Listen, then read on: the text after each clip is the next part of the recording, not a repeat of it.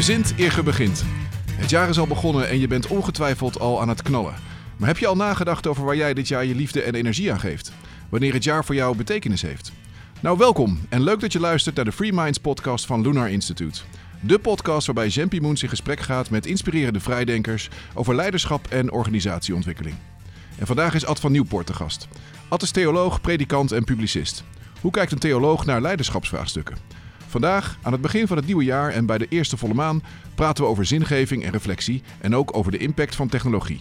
Ad, uh, van harte welkom. Ja, dankjewel. Uh, wij hebben elkaar ontmoet in uh, allerlei gesprekken met uh, mensen uit het bedrijfsleven, directeuren, bestuurders, ondernemers. En wat me altijd opvalt in die ontmoetingen is dat jij andere vragen stelt, met andere verhalen komt. En dat je ook wat anders losmaakt bij mensen. Vind ik altijd heel bijzonder om dat te ervaren samen met jou.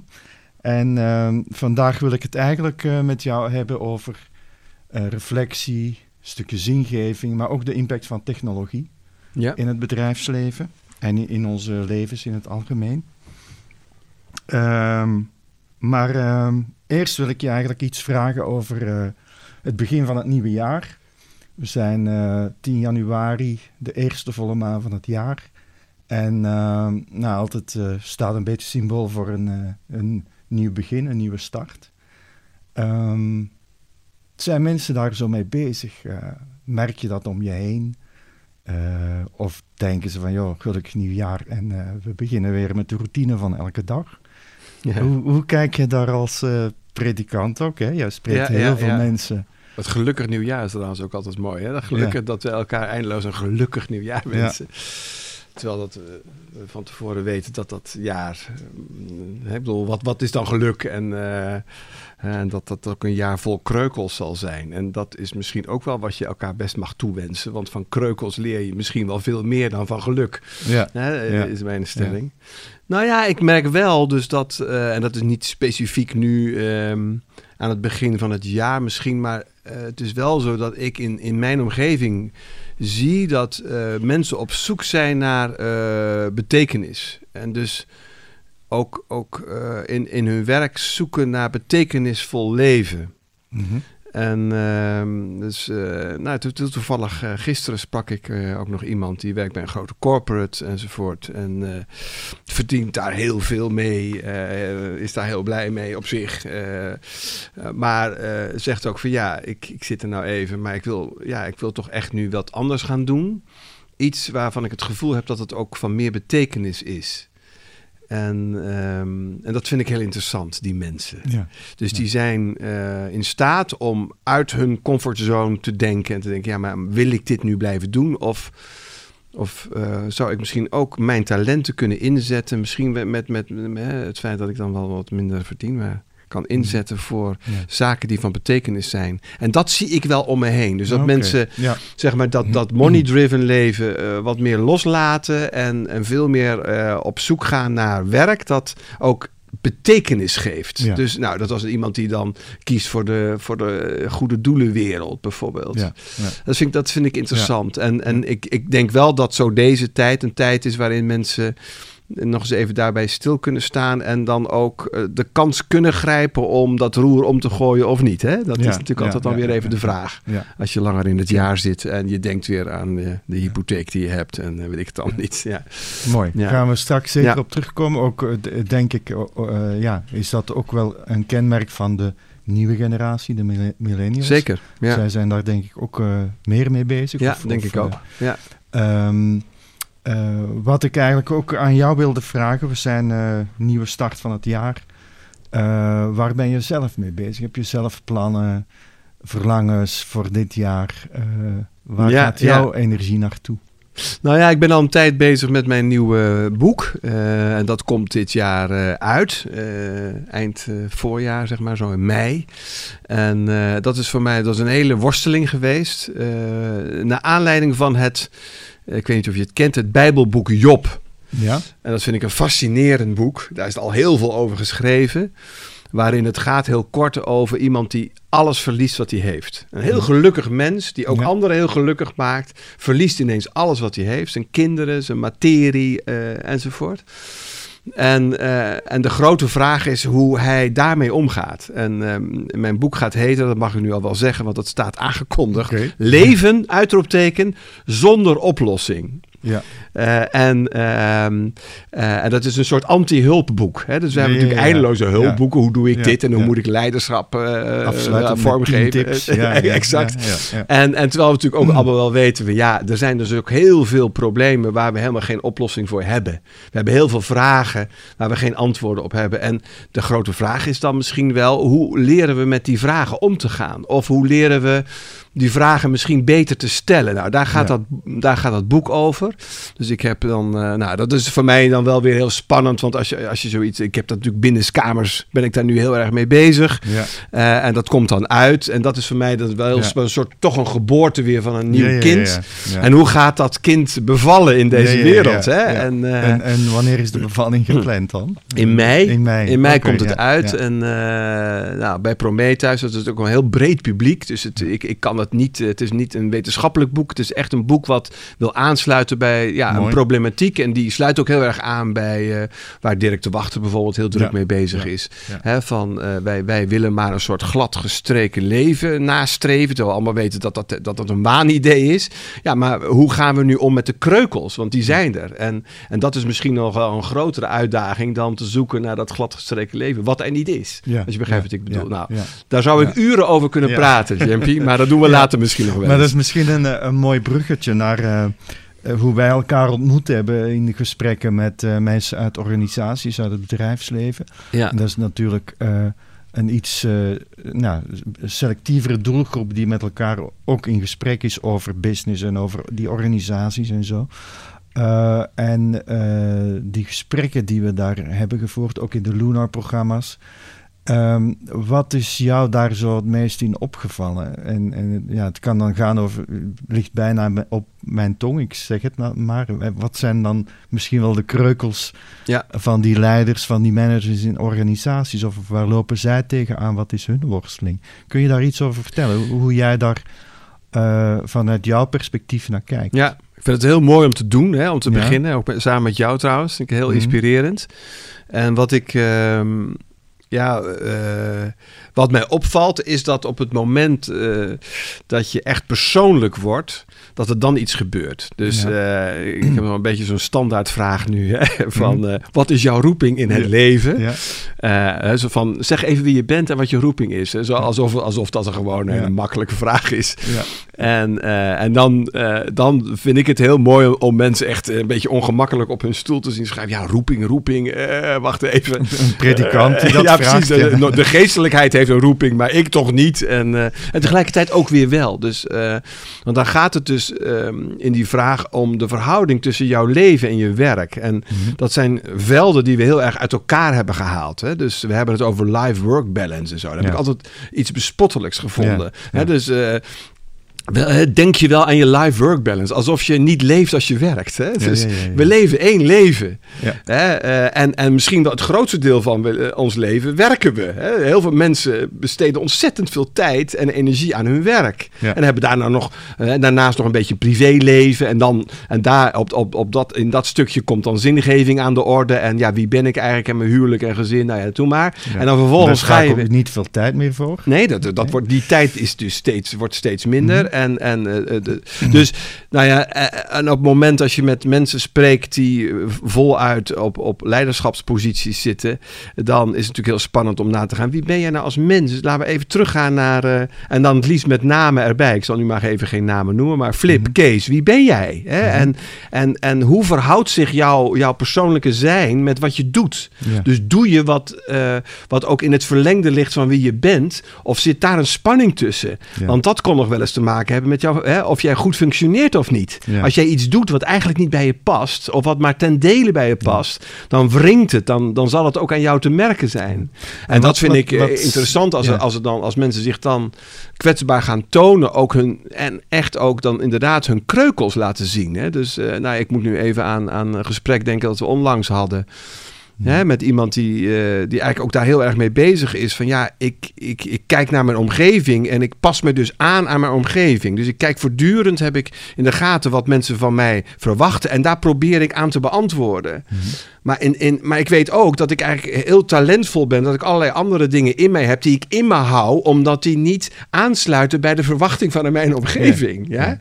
En, en, en door dat gesprek, hè, dat, dat gaf diegene ook aan. Uh, denk ik eigenlijk, word ik uitgedaagd om misschien wel dat eens te gaan doorbreken. En iets te gaan doen wat, me, wat men helemaal niet van mij zozeer verwacht. Maar wat misschien wel een enorme bijdrage zou kunnen leveren aan, aan, aan de samenleving waarin ik op dat moment zit. Nou ja, dat is natuurlijk, als je dat meemaakt, ik, ik, ik krijg er kippenvel van als ik eraan denk. Hè? dus ik, ik, er was ook echt, dat je ook de emotie ziet en mensen echt van ja, daarmee worstelen met die verhouding van wie ben ik en, en wat wil die wereld van mij? En, en uh, dus altijd op, op, op de plaat hebben gedraaid van wat wil die wereld van mij? En gaandeweg er naartoe groeien. Ja, maar, maar misschien wil ik wel, wil ik wel iets anders. Ja. Uh, wat die wereld nog wel eens zou kunnen verrassen. Zou dat, zoals je dat vertelt, en ik heb dat ook meegemaakt, zou dat kunnen betekenen, zonder dat al te zeer te willen veralgemenen, dat er eigenlijk zo weinig ruimte is voor reflectie of dat we ons daar niet van bewust zijn dat dat heel waardevol kan zijn. Dat we maar gewoon uh, het leven zoals het komt, zo, zo goed als mogelijk proberen die agenda te volgen of zo? Of, ja, ik denk dat dat absoluut een reden is. Hè? Dus uh, om om erachter te komen hè, of datgene wat jij, wat jij doet ook bij jou past ja, dan zul, je, dan zul je stil moeten staan. Dus op, en dat is natuurlijk wat, wat, wat, ons, hè, wat we onszelf niet gunnen of wat ons niet gegund wordt. Dus wij gaan maar door. Wij zijn onze agenda aan het, eh, aan het uh, uitrollen de hele tijd en die volgen we dan. Mhm. Terwijl um, ja, reflectie is um, eigenlijk even uit die malle molen stappen en, en bij jezelf te raden gaan van is dit eigenlijk wel datgene wat echt bij mij past? Doe ik nu wat bij mij past? Ik, is dit wat ik wil ook? Ehm, of laat ik me alleen maar leiden door eh, externe factoren? Nou, dus daar is reflectie voor nodig. En, en dat ontbreekt natuurlijk eindeloos. Dat, is natuurlijk, dat heb, ik op die Zuidas ook eindeloos ja, gemerkt. Heb, je, heb je enig idee hoe dat komt? Uh, als je er met mensen over praat, zeg je ja, uh, ik ben niet tegen of zo. Hè? Nou, hoe, eh, dat er geen reflectie is. Nou, dat heeft volgens mij, en dat is echt wel een punt, dat heeft volgens mij ook helemaal te maken met hoe wij opgevoed worden vandaag de dag. En hoe ons onderwijs in elkaar zit. Dus wij zijn, ja, dat woord purpose, uh, daar gaan we het misschien nog over hebben, maar wij zijn enorm purpose-driven. Dus zij is van, hè, dus je gaat naar de school, uh, nou, in, in mijn omgeving waarin ik zit, dat is natuurlijk toch een beetje de elite kant van de samenleving, is men al heel vroeg bezig van, hè, die school is goed voor mijn kinderen, want dat is belangrijk voor het netwerk. Hè, en dan gaat hij die stap zetten en dan die stap. En je, de studiekeuze is natuurlijk eh, heel erg wordt bepaald door de, het succes wat je daarmee kunt behalen. Um, en, en eigenlijk zou in het onderwijs, zoals je misschien wel weet, in het Grieks scholen hè, betekent vrije tijd. Dus uh, uh, juist school zou moeten betekenen dat je de ruimte neemt om, om, om, om na te denken: wie ben ik en wat wil ik en hoe, wat is deze wereld eigenlijk? En ik, en ik leef maar heel kort, laten we nou wel wezen. We leven eigenlijk maar heel kort. Mm -hmm. Dus wat wil ik nu eigenlijk met ja. mijn leven? Dus en dat zou dus eigenlijk al heel vroeg. Dat zit al in kinderen. Dus dat is van: wat wil je? En je moet punten halen en je moet je CITO scoren en dit en dat. Is heel erg op die resultaten gericht. Terwijl ja, uh, wat een kind juist nodig heeft in zijn ontwikkeling is te ontdekken wie die is. Mm -hmm. Begrijp je? Ja. En, en, uh, en, en het onderwijs zou, naar mijn idee, veel meer erop ger op gericht moeten zijn om, om randvoorwaarden te scheppen voor die reflectie. Ja.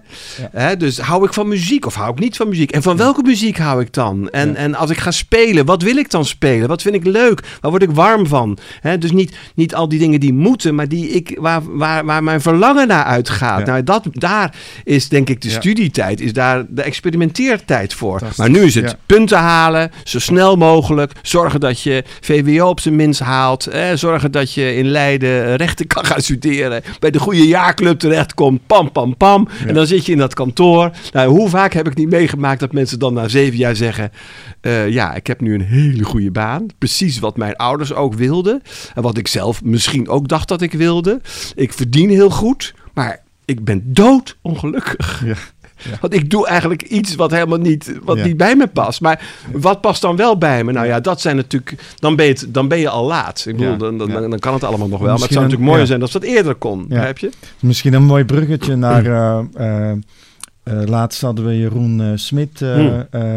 in een ronde tafel.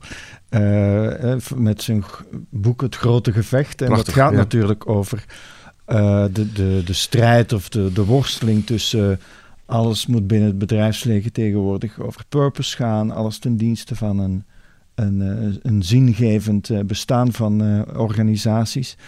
Uh, en anderzijds het gevecht met uh, alles moet ook kloppen tot betere resultaten leiden, groei, beursgenoteerd enzovoort. Hè. Uh, ja. Ja, en, en nou, wat, hoe, zie, hoe zie jij, wat is jouw visie op die, op die strijd? Is, is dat echt een strijd die, die gaande is in mensen? Of denk je van, nou, dat waait wel weer over? Of dat uh, mensen gaan daar toch makkelijker mee om? uh, dan het groots uitgemeten beeld wat in dat boek uh, wordt geschetst? Hoe zie je nou ja, het is natuurlijk wel een heel mooi voorbeeld. Hè? Um, Paul Polman, die natuurlijk ergens, uh, dat, is, dat spreekt mij natuurlijk geweldig aan, hè? Uh, theologie had willen doen. Hè? Of eigenlijk in, in het geestelijk ambt van, van ehm, had willen werken. En dan uiteindelijk bij, bij zo'n onderneming terechtkomt. En hele hoge doelen stelt. Hè? Dus aan de ene kant onderscheid wil maken, verschil wil gaan maken met Unilever op het gebied van klimaat, duurzaamheid, noem het allemaal maar op. En tegelijkertijd ook zeggen, en we gaan die, die, die winstcijfers gaan. Ja. Uh, en ja, ik vind dat heel inspirerend. En tegelijkertijd, dat bekruipt mij ook wel bij dat boek. Um, uh, moet ik toch aan iemand anders denken. Dat is Joris Luijendijk, die natuurlijk over ja. uh, de bankiers heeft geschreven in Londen. Waarin hij, en ik denk dat hij daar wel een punt heeft, natuurlijk zegt van ja, uh, het is natuurlijk fantastisch zo'n zo'n zo'n gedreven figuur in zo'n onderneming. Maar die, die onderneming, dat is een systeem, dat is een instituut. Um, die, en, en, en helemaal als het beursgenoteerd is, is dat natuurlijk een instituut dat gedreven wordt door krachten die je helemaal niet in de hand hebt. Nee. Door mensen die eigenlijk alleen maar uit zijn op korte termijn geld. He, dat, ja. is de, dat, dat, dat, is de, de slavernij waarin uh, ons, ons kapitalistische samenleving uh, volgens mij helemaal in gevangen zit. Dat is ja. het, het grote probleem. En wil je dus wil je dus echt iets kunnen gaan doen wat van betekenis is, wil dat, wil dat ook succes hebben, ja, dan, zul je, dan zal er toch ook iets aan dat systeem moeten gebeuren. Dat vinden we natuurlijk allemaal heel ingewikkeld. Dus ja, maar dat kan niet. Dat is onmogelijk. Ja. En, en je ziet dus in dat grote gevecht het daar ook eigenlijk voor een deel ook natuurlijk helemaal misgaan. Ja. Dus dat is het. En, en, en ik vind dat. Uh, dus, dus, dus Luijendijk zegt ook: ja, kijk, je kunt dan bankencodes uh, gaan invoeren. en eindeloos die regelgeving gaan. Uh, maar uiteindelijk, het, het, er is iets in die, in die systematiek, in die structuur. Is er mis. En, ja. en hoe krijg je dat omver? dat ja. is natuurlijk het grote Goliath-verhaal. om in mijn Bijbelverhaal te blijven. Wat je, wat je niet als Davidje zomaar onderuit nee, krijgt. Nee, en, nee. en ik denk wel dat dat. en dat we dus in de richting nu gaan en dat vind ik heel spannend in deze tijd, dat dat, dat steeds meer wordt bevraagd. Ja, ja, ja. Dus aandeelhouders eisen dit en dat is dus en zo. Maar mensen op de werkvloer, mensen die het echt moeten gaan doen, die zeggen: ja, maar wacht even, het ging toch om dit product? En gaan we nu een keuze maken onder invloed van die aandeelhouders? Of maken we de keuze om voor de kwaliteit, voor de duurzaamheid, voor de toekomst? Ja. Hè? Ja. En, uh, en dat is een strijd die naar mijn gevoel nu op allerlei fronten wordt, uh, wordt gevoerd. En ik weet niet, misschien ben ik te optimistisch, maar ik heb het idee dat dat een hele goede kant op gaat. Okay, ja. En dat uiteindelijk ook die, die, die aandeelhouders om zullen moeten. Als je begrijpt wat ik nee, bedoel. Ja, ja. Omdat uiteindelijk die, want dat zijn ook mensen, dat is het grappige. Hè? Achter die aandeelhouders zitten mensen die ook gewoon uh, betekenisvol willen leven. Hè? Dat is het interessante. Dus dat, dat maar nou wel, ja, daar is iets mee te doen. zitten in, uh, in een systeem. Ja, het moet wel. En dat kan niet anders. En, en, en, en als je... Uh, nou, goed, investmentbanker bent, dan, dan zeg je, ja, dit, het gaat mij gewoon om de centen. Het gaat om de cijfers. Wat de content uiteindelijk gaat winnen. Dat is natuurlijk een beetje mijn, uh, mijn, idee, mijn droom ook. Mijn. Uh, maar ja, mijn visioen. Ik geloof dat ook heel erg. Zachte krachten zullen winnen. alleen, ja, het is even de vraag... Wanneer. Ja, ja. maar ik zie het hier en daar al wel gebeuren. En dat ja. vind ik heel hoopgevend. Ja, ja. Nou, brengt uh, ons eigenlijk op uh, dat, dat thema over wat wij binnen Luna noemen vermenselijking van organisaties. Hè? Het, uh, het is eigenlijk al een paar jaar dat we steeds vaker mensen horen over we willen beter worden in samenwerken. kwetsbaarheid moet een plek krijgen binnen or onze organisatie. Uh, we moeten andere gesprekken voeren dan alleen maar de, de, de KPI-driven uh, mm. gesprekken. Um, hoe zie jij dat? Uh, wij noemen het ook wel eens vermenselijking van organisaties, ook feminisering, hè, mm -hmm. als een grote business trend. Zie je dat ook gebeuren? En is daar, is daar verlangen naar? Is daar behoefte aan? Of, of hoe zie jij dat? Uh, nou ja, Draagt dat uh, iets bij ook? Ja, ik, ik geloof het uh, absoluut. Alleen er is heel veel lef voor nodig. Heel veel durf. Ja. En, uh, en ik moet zeggen dat, ik, uh, dat het daar nog wel eens aan ontbreekt. Dus er is een verlangen naar, dat geloof ik. Hè? Ja. Dus ik, ik bedoel, je spreekt mensen die, die jarenlang bij elkaar op kantoor zitten. Hè? En dan ehm, ineens is, komt er een binnen en zegt, ah, gaat helemaal niet goed met me of zo. En die zegt dat. Hè? En dat iemand bijvoorbeeld dan gescheiden is. En ja. dat heb ik laatst ook weer gehoord. Iemand ja. die heeft iets van tien jaar heel intensief met iemand samengewerkt, maar het is nooit over, dat, over die ellende nee. in dat huwelijk gegaan. En die komt met een voldongen wijze, zo. Dus dat, is, dat, dat gesprek is nooit gevoerd. Het is altijd over andere dingen gegaan. Dus dat verlangen is er wel. En tegelijkertijd zie ik dus een, een spanning. Dus uh, mensen zijn ook bang om iets te verliezen.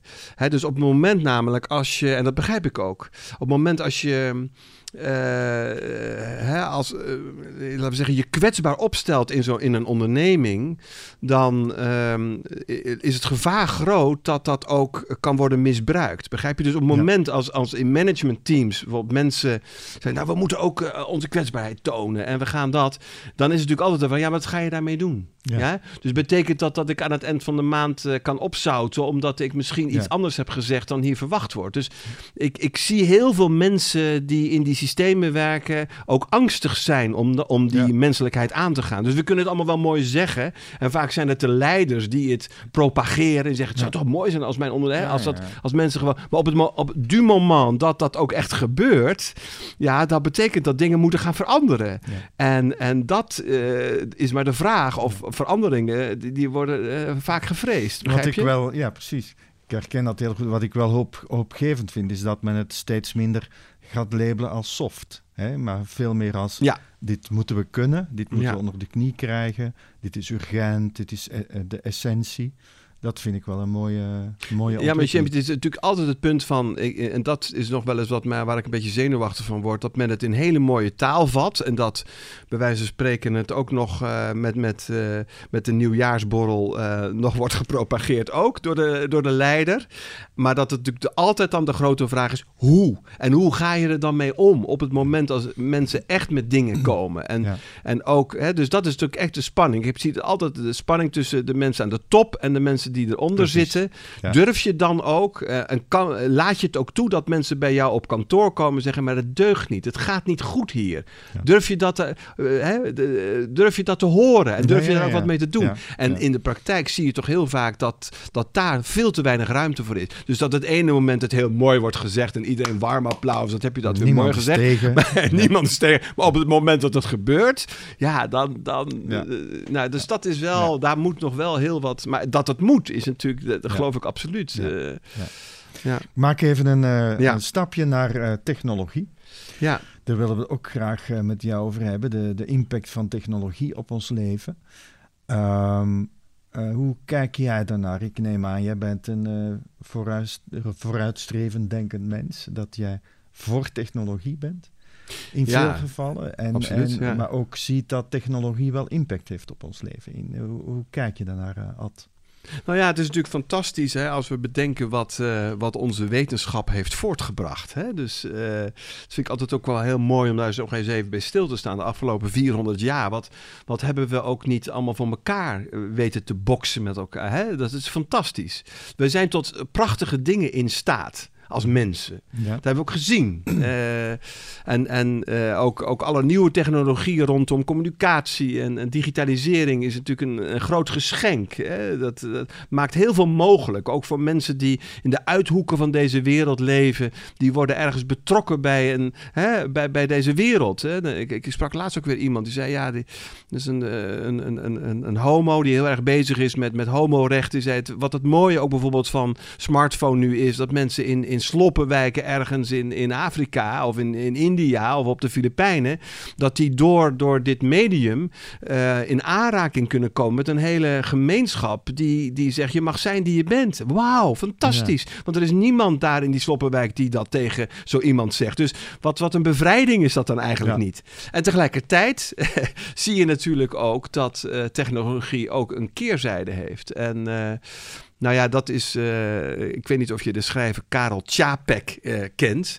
Nee. Dat is een Tsjech. Ja. ja. zeer aan te bevelen. Moet iedereen lezen. Die heeft uh, aan het begin van de vorige eeuw het boek geschreven: Oorlog met Salamanders. Fantastisch boek, Sheppy. Moet je ja. echt lezen.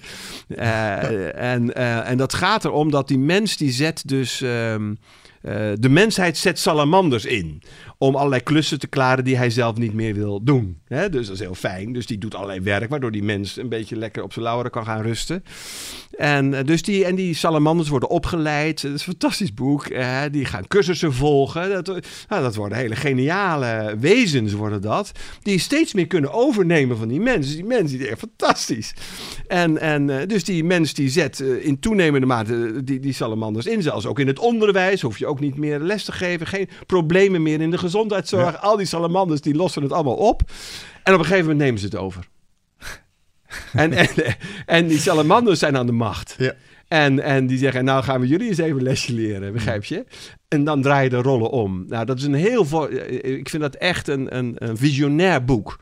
Dat gaat over deze tijd, volgens mij. Ja, ja. Dus wij, wij, wij hebben ons uitgeleverd aan een technologie op een manier zoals we dat eigenlijk nog nooit hebben gedaan, denk ik. -hmm. Dat heeft met name met die digitalisering te maken, met, met wat wij dus op dat front allemaal kunnen. En de grote vraag is: hebben we nog de regie? Of zijn we de regie aan het verliezen? Ja. En ja. ik denk dat dat laatste wel aan de, aan de hand Aan de is. hand is, en, ja. en dat vraagt om uh, wakker worden en nadenken: hoe gaan wij daarmee om? We kunnen technologie nooit tegenhouden. Dat, dat moet je ook nooit willen. Maar de vraag is wel: um, houden we nog de regie? En hoe kunnen we het op een bepaalde manier toch ook sturen? Ja. Dus uh, technologie is iets heel algemeens. Maar je kunt technologie inzetten voor het goede, om het maar even heel moralistisch te zeggen, maar ook voor het kwade. En, Ja. en dat is steeds de vraag. Hè? Ja. Dus uh, waar willen we op dit moment in investeren? Hè? Dus dat ook als het gaat om die duurzaamheid, als het gaat om hè, wat, wat willen we nu met die nieuwe technologie Mhm. ten bate van ook uh, uh, ons milieu. En, Ja. en dat dus niet alleen wat kan er allemaal, maar wat willen we? wat willen we? En, en, en op het moment als, als die technologie onze wil overneemt, ja, dan, dan gaat het wel Ja. mis. In dat Ja. boek van Chapek gaat dat, kan ik je verzekeren, echt enorm mis. en daarom is het zo'n fantastisch boek. Wat, wat ik, ik, ik- dat moet echt iedereen nu lezen, omdat het heel erg gaat over deze tijd. Mooi. Niet om een soort eh zondvloedgedachte waar we gaan allemaal ten onder, helemaal Nee, niet. nee, nee, nee, maar eerder om ons wakker te maken en te bedenken, ja, wij zijn nog weldenkende mensen, maar laten we alsjeblieft ook weldenkende mensen blijven. Mooi. Hè? Dat. Mooi. Ja. Wij hebben onze huisfilosoof Ignace de Vis, Ja. verbonden aan de Universiteit van Gent, eh, gevraagd, dat doen we in elke podcast die we maken, om even een korte beschouwing eh, te laten horen, in dit geval over eh, technologie en de reflectie daarover. Ja. Even luisteren naar eh Ignace. Men zegt wel eens vaker van het terrein van ethiek en filosofie dat het te laat komt. Hè? In die zin dat het pas begint te reflecteren over de dingen wanneer ze bestaan, wanneer ze uitgevonden zijn. En dan zeker wat technologie betreft, hè, hebben we heel veel technologie waarvan we ons daarna afvragen waar dient het toe, wat is de zin ervan. Dus mijn opmerking zou kunnen zijn, kunnen we niet ertoe komen om die reflectie uh, over onder meer waartoe met, uh, of waarheen met technologie, niet beter organiseren, zodanig dat we ons eerst afvragen waarom we iets aan het maken zijn, waar het zou kunnen toe dienen, en het pas dan gaan vervaardigen en het dan veel doelmatiger inzetten dat we vandaag vaak doen. Want nu vinden we iets uit, dan denken we na over de risico's, dan ontstaat er bij een aantal mensen lichte vlagen van paniek van uh, de ondergang van de wereld is nabij. En andere mensen dan denken dan dat technologie de wereld zou uh, kunnen redden. En ik denk dat we met technologie op een veel betere, op een veel verstandiger manier kunnen omgaan dan we tot nu toe doen. Maar dan hebben we die reflectie wel nodig die echt in de kern van het maatschappelijke gebeuren uh, zich moet inschrijven. Of anders is ze gedoemd om altijd ergens in de marge te blijven. Dus ik pleit zeer nadrukkelijk of ik leg ook de vraag voor, ehm, kunnen we met reflectie niet veel meer en veel beter doen dan we tot nu toe ehm, hebben gedaan? Uh, ja, ehm, technologieontwikkeling en reflectie, dat is natuurlijk een mooie... Ik denk dus dat, dat daar wel ook een hele schone taak voor de overheid ligt.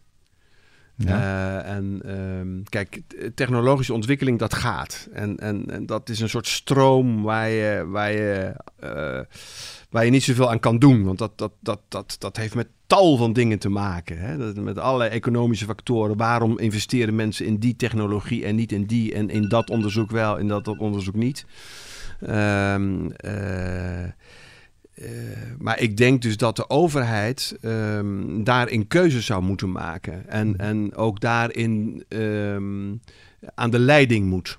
Ja. En wat ik in Nederland mis, uh, ik weet niet of je dat, dat in België meer... Loopt maar, de overheid niet juist achter in die dingen? Nou, dat vind ja. ik dus. En, ja. en, en daarmee, dus ik, ik denk dus dat... Uh, wij hebben in Nederland heel weinig denktanks. Echt goede, onafhankelijke denktanks. Met heel veel verschillende mensen.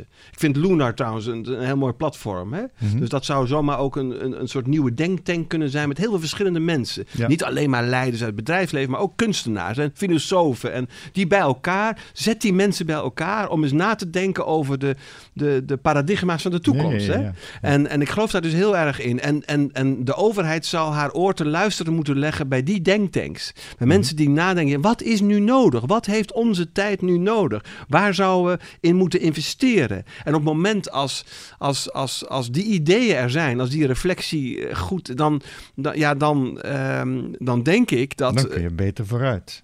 Dan, en ja, dan kun je keuzes maken. In die, Ja. in die techno- dan kun je zeggen, nou, wij, wij gaan dus niet eh, daarin investeren. Maar wij, wij denken dat, dat, het, eh, dat het hierin zou moeten. En ik denk als, die, als dat idee goed is en eh, goed beargumenteerd... dat je dan ook heel veel financiers kan verleiden om daarin mee te gaan. Ja. Begrijp je wat ik bedoel? Dus, dus ik, ik, ik ben het eigenlijk helemaal eens met deze stelling. Tegelijkertijd denk ik, ja, technologie dat gaat. Maar om het te, goed te kunnen sturen, heb je dus bezinning nodig. Ja. En, en dat, is geen, oh, dat is absoluut geen overbodige luxe. Dat is een must, dat is urgent. Omdat, ik vind ook eh, wel een mooi pleidooi vanuit de filosofie en de ethiek. Ja. Want die worden er nu eigenlijk pas achteraf bijgehaald. Exact. Nee, Eh, dat als is we ook met zo. robotica bezig zijn. Oh ja, oh ja, er is ook nog een ethische vraag. eh. Nee, dat is een eh, absoluut punt. Het probleem is altijd dat natuurlijk als het gaat om ethische zaken, dat de ethiek vaak eh, de remmende factor is op technologische ja, ontwikkeling. ja, ja. En eh, dat hoeft helemaal niet. Nee, Ja, dus overigens dat woord robot, JMP, dat heeft Ja. Chapek uitgevonden. Hè? echt waar. Ja, ja, Ja. dat is ook wel aardig om te weten. Het is een soort salamander. Ja, daar komt dat woord robot vandaan. Ja. Oké, cool. Ja. Ad, we zijn zo'n beetje aan het eind van ons gesprek beland. En, en wij vragen elke gast die we hier aan tafel hebben vier vragen. Eh, vier dezelfde vragen. En wij denken dat dat een onwijs mooie bloemlezing gaat opleveren op die vier topics. Als wij volgend jaar of dit jaar eh, in een jaar tijd 26 mensen hebben gesproken. Eh, eerste vraag aan jou is, en aan al die andere gasten die we gaan ontvangen. Wat zou elke leider moeten doen of weten? Ja, dat is natuurlijk een hele grote vraag, maar het moet een kort antwoord zijn. Ik denk dat eh, misschien wel, ook naar aanleiding van de gesprekken die wij ook recentelijk weer hebben eh, gevoerd, het zou moeten zijn, ehm, wat je laat zien, krijg je terug. Oké. Ik denk dat dat hem is. Dus, Dus- dus eh, zien krijg je terug. En dat is denk ik een leider die, die, die, die moet zich daarvan bewust zijn. Ja. Wat Mooi. hij, wat hij laat zien in, in de wijze waarop hij werkt en spreekt en omgaat met mensen, dat Ja. zal hij ook terugkrijgen. Voorleven van Ja. dingen. Ja. Ja. Mooi, mooi. Wij bouwen met Lunar aan een eh, eh, community van vrije denkers, free minds, zoals we ze noemen. Eh, welke eigenschap, en het is er maar één, je mag er maar één noemen, of talent vind jij het aller van het allergrootste belang voor een vrijdenkend leider, een free mind? Ehm, ik ben geneigd om te zeggen empathie. Mhm. Ik denk dat dat heel belangrijk is. Ja. En dat is een eigenschap wat de- dat is schaars aan het worden. Mhm. Dus er zijn eh, heel veel leiders met name ook, die zitten enorm op een eiland. En ehm, missen vaak het instrumentarium om echt te kunnen aanvoelen eh, wat er nu eigenlijk in die ander of in het andere leeft. En ik denk dat een echte vrije denker durft eh, zich te laten beïnvloeden door een ander. Ja. En eh, die, die durft open te staan voor ideeën die hij zelf nog niet had. Ja, dat is echte vrijheid, Mooi. denk ik. Ja. Ja. Mooi, heel, dat zeg je ook heel mooi. Ehm, welke vrijdenker zou jij graag aan het woord horen in een van onze volgende podcasts? Nou, wie ik, eh, wat, ik een, wat ik een hele scherpe geest vind eh, in ons land, Ja? is eh, Bas Heijnen. Ja, Die heeft natuurlijk jarenlang de zaterdagcolumn van NRC Handelsblad verzorgd. En ehm, eh, elke keer viel mij weer op hoe, hoe zelfstandig deze denker is. Ja. Dus eh, die weet op een, op een hele doortastende manier telkens weer dingen aan de kaak te stellen. Waarvan ik denk, hé, hey, oh, dat had ik nog niet gezien. Nou, die mensen heb je natuurlijk heel hard nodig Ja. in deze tijd. Dus Ja. dat, dat andere perspectief. net, net dat andere. Dus het ja. niet napraten van de discussie, Nee, wat natuurlijk altijd eindeloos gebeurt. Maar net even iets anders inbrengen, waardoor mensen... Ah, kijk, dat zou ook nog wel... Nou, daar vind ik hem heel goed in. Ja. Ja. En welke vraag eh, moeten we hem dan zeker stellen namens jou? Dat gaan, we, dat gaan we ook doen als hij bereid is onze, een van onze volgende gasten te zijn. Ja, dat zou dan toch een hele grote vraag zijn en daar kan hij alle kanten mee op. Maar eh, eh, misschien toch wel die vraag: wat heeft een samenleving nodig om optimaal een samenleving te kunnen worden? Dat zou toch wel eh, mijn vraag. En dan ben ik ook heel benieuwd natuurlijk naar zijn antwoord. maar dat is wel eh, een vraag die mij natuurlijk zelf ook heel erg bezighoudt. Maar wat, wat heeft nu in de kern een samenleving nodig om optimaal ook echt een samenleving te Ja. kunnen worden? Ja. Dat zou mijn vraag aan Ja. Bas Heijnen zijn. Ja. Ook, ook jouw favoriete vraag, maar dan iets groter gemaakt van... wat heeft de mens nodig om mens Exact, te zijn? Hè? ja, en, ja, en precies. dat dan Maar ook in, in de maatschappelijke zin. ja. Dus ja, precies. Mooi. Ja. Nou, als laatste, eh, eh, wat is jouw mediatip voor, eh, voor onze luisteraars? Eh, boek, Ja. eh, film. Nou ja, dat, daar Ja. hebben we het eigenlijk nog helemaal niet over gehad, over de Bijbel, eh, waar ik natuurlijk ook nog heel uitgebreid over had willen praten, eh, Ja. Maar goed, Ja. dat doen we misschien op een ander moment nog eens. maar dat is wel, eh, dat is niet trouwens het boek wat ik zou willen aanbevelen, want dat moet je in een groep lezen onder leiding van iemand die daar eh, voor door heeft geleerd. Ja, ja. Ehm, maar ik zou wel heel erg ehm, ook eh, mensen van vandaag eh, willen stimuleren om toch weer te gaan lezen. En Mhm. dus, dus ook echt een boek te gaan lezen. En ik, ik geloof heel erg in de kracht van lezen. ja. En ik geloof ook, ehm, als, eh, je wordt een vrije geest als je je ook voedt. En op die manier. En, en dan dus niet eh, de hulpboeken, de zelfhulpboeken Nee. of de managementboeken. Nee. Ook allemaal prima, maar dat is dan niet wat je doet eh, om verder te komen. Maar literatuur, verbeelding, poëzie. Eh, daar ben ik heel erg van. Dus dat, en dat en, en, want dat vraagt heel veel van je. Dan moet je, dan, de, de, hè, dat, dat leert jou empathie. Want je moet je inleven in personages. Je moet Ja, ja, durven ja. meegaan met mensen waar je niet precies van weet waar het op uitloopt. En nou, dat is wat ik heel erg aanbeveel. En dat, nou ja, Heb je een eh, bepaalde tip? Nou ja, dat is natuurlijk dat boek eh, wat ik eh, zo even al noemde hè, van, eh, van Karel Tjapek, Oorlog met Salamanders. Maar zo zijn er tal van, van boeken die ik, die ik zou willen ik, zou- zou kunnen adviseren. Ik, ik denk ook heel erg aan de boeken, de, de Russische boeken van Dostoevsky bijvoorbeeld. Ja. Die ook heel erg het menselijk drama neerzetten, waar je ook vandaag de dag nu zo nog Ja. zoveel aan, aan kunt hebben. Ehm, maar Ik ook zie- een boek, wel wat natuurlijk nu heel veel gelezen wordt, maar wat, wat ik ook een fantastisch boek vind van eh, Ilja eh, Leonard Pfeiffer. Grand Hotel Europa. Ja. Vind ik ook een heel erg een boek van deze tijd. Geweldig, ja. En eh, ja, dat zou ik echt mensen aanbevelen. Ga literatuur lezen. Goede literatuur lezen. Ik zie trouwens ook dat je het boekje van Dirk de Wachter aan het lezen bent. Ja, dat is Kun je de, daar nog de, iets over zeggen? Nou ja, de kunst van het ongelukkig zijn. Dat, het is een, een, een- een, een soort samenraapsel van allerlei gedachten die hij, waar hij ook bekend mee is geworden. En wat ik, wat ik prachtig vind aan dit boek is dat hij een groot pleidooi voert voor kwetsbaarheid. Voor het kwetsbare leven. Dus je hebt in, in, we, we hebben eigenlijk met, ja, misschien een beetje simpel gezegd, maar je hebt twee manieren van leven. Je hebt het spierballenleven, het façadeleven, het succesleven, het rekenleven. En je hebt het kwetsbare leven. En, Ja. en aan ons in dit korte leventje wat wij leiden is de keus welk leven willen we leiden. Mhm. Nou, dat ene, dat, dat spierballenleven zorgt, zegt ook hij, voor grote eenzaamheid. Want spierballen en spierballen, dat, die, die, jouw spierballen zijn altijd kleiner dan de ander. Dus jij wilt dan weer daar, hè, je Nog, wilt, eh, wil een ja, grotere. En terwijl op het moment als jij, jou, als jij kwetsbaar toont, als jij ook durft te spreken over jouw vragen en jouw, jouw ongelukkigheden, ehm, ja, dan gaat iemand anders ook open. En dan ontstaat er een saamhorigheid. Dus, dus het Ja. ene leidt tot individualisme, tot een koude maatschappij, ben ik echt van overtuigd. En het andere, En het tot andere verbinding. leidt tot, Ja. tot, tot een menselijke samenleving. Ja. En, en, en dat vind ik zo raak eh, van Dirk de Wacht. En dat komt heel dichtbij ook eh, het Bijbelverhaal, waarin eigenlijk de grote, eh, het grote appel is. Hè? Mens, durf te leven. Kom tevoorschijn met alles wat in je zit. Want het is goed met je. Hè? Ja. is, zoals jij bent, is het goed. Dus, dus wees niet bang. Hè? En, en, en, en, en, en, eh, ja, en, en word mens. Dat is de grote, grote, het grote appel van al die Bijbelverhalen. Ja. En, eh, en dat zit hem dus niet in spierballen, maar dat zit hem in, in, het, echte menselijke, in het echte menselijke leven. Ja. Dat is eigenlijk eh, wat ik heel mooi vind ook van, van Dirk de Wachter. Ja. Mooi, Ad. Dankjewel. ja, jij dank. Ik wens jou een heel mooi 2020. Ja, wens ik jou ook. eh, En Lunar ook. Ja, zeker. Dankjewel. Mooi. Dankjewel. Vanuit Vondel CS was dit de Free Minds podcast van Lunar Institute.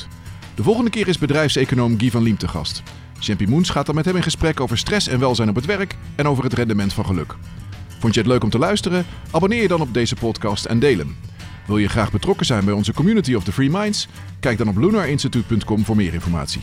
Bedankt voor het luisteren. Tot de volgende maand.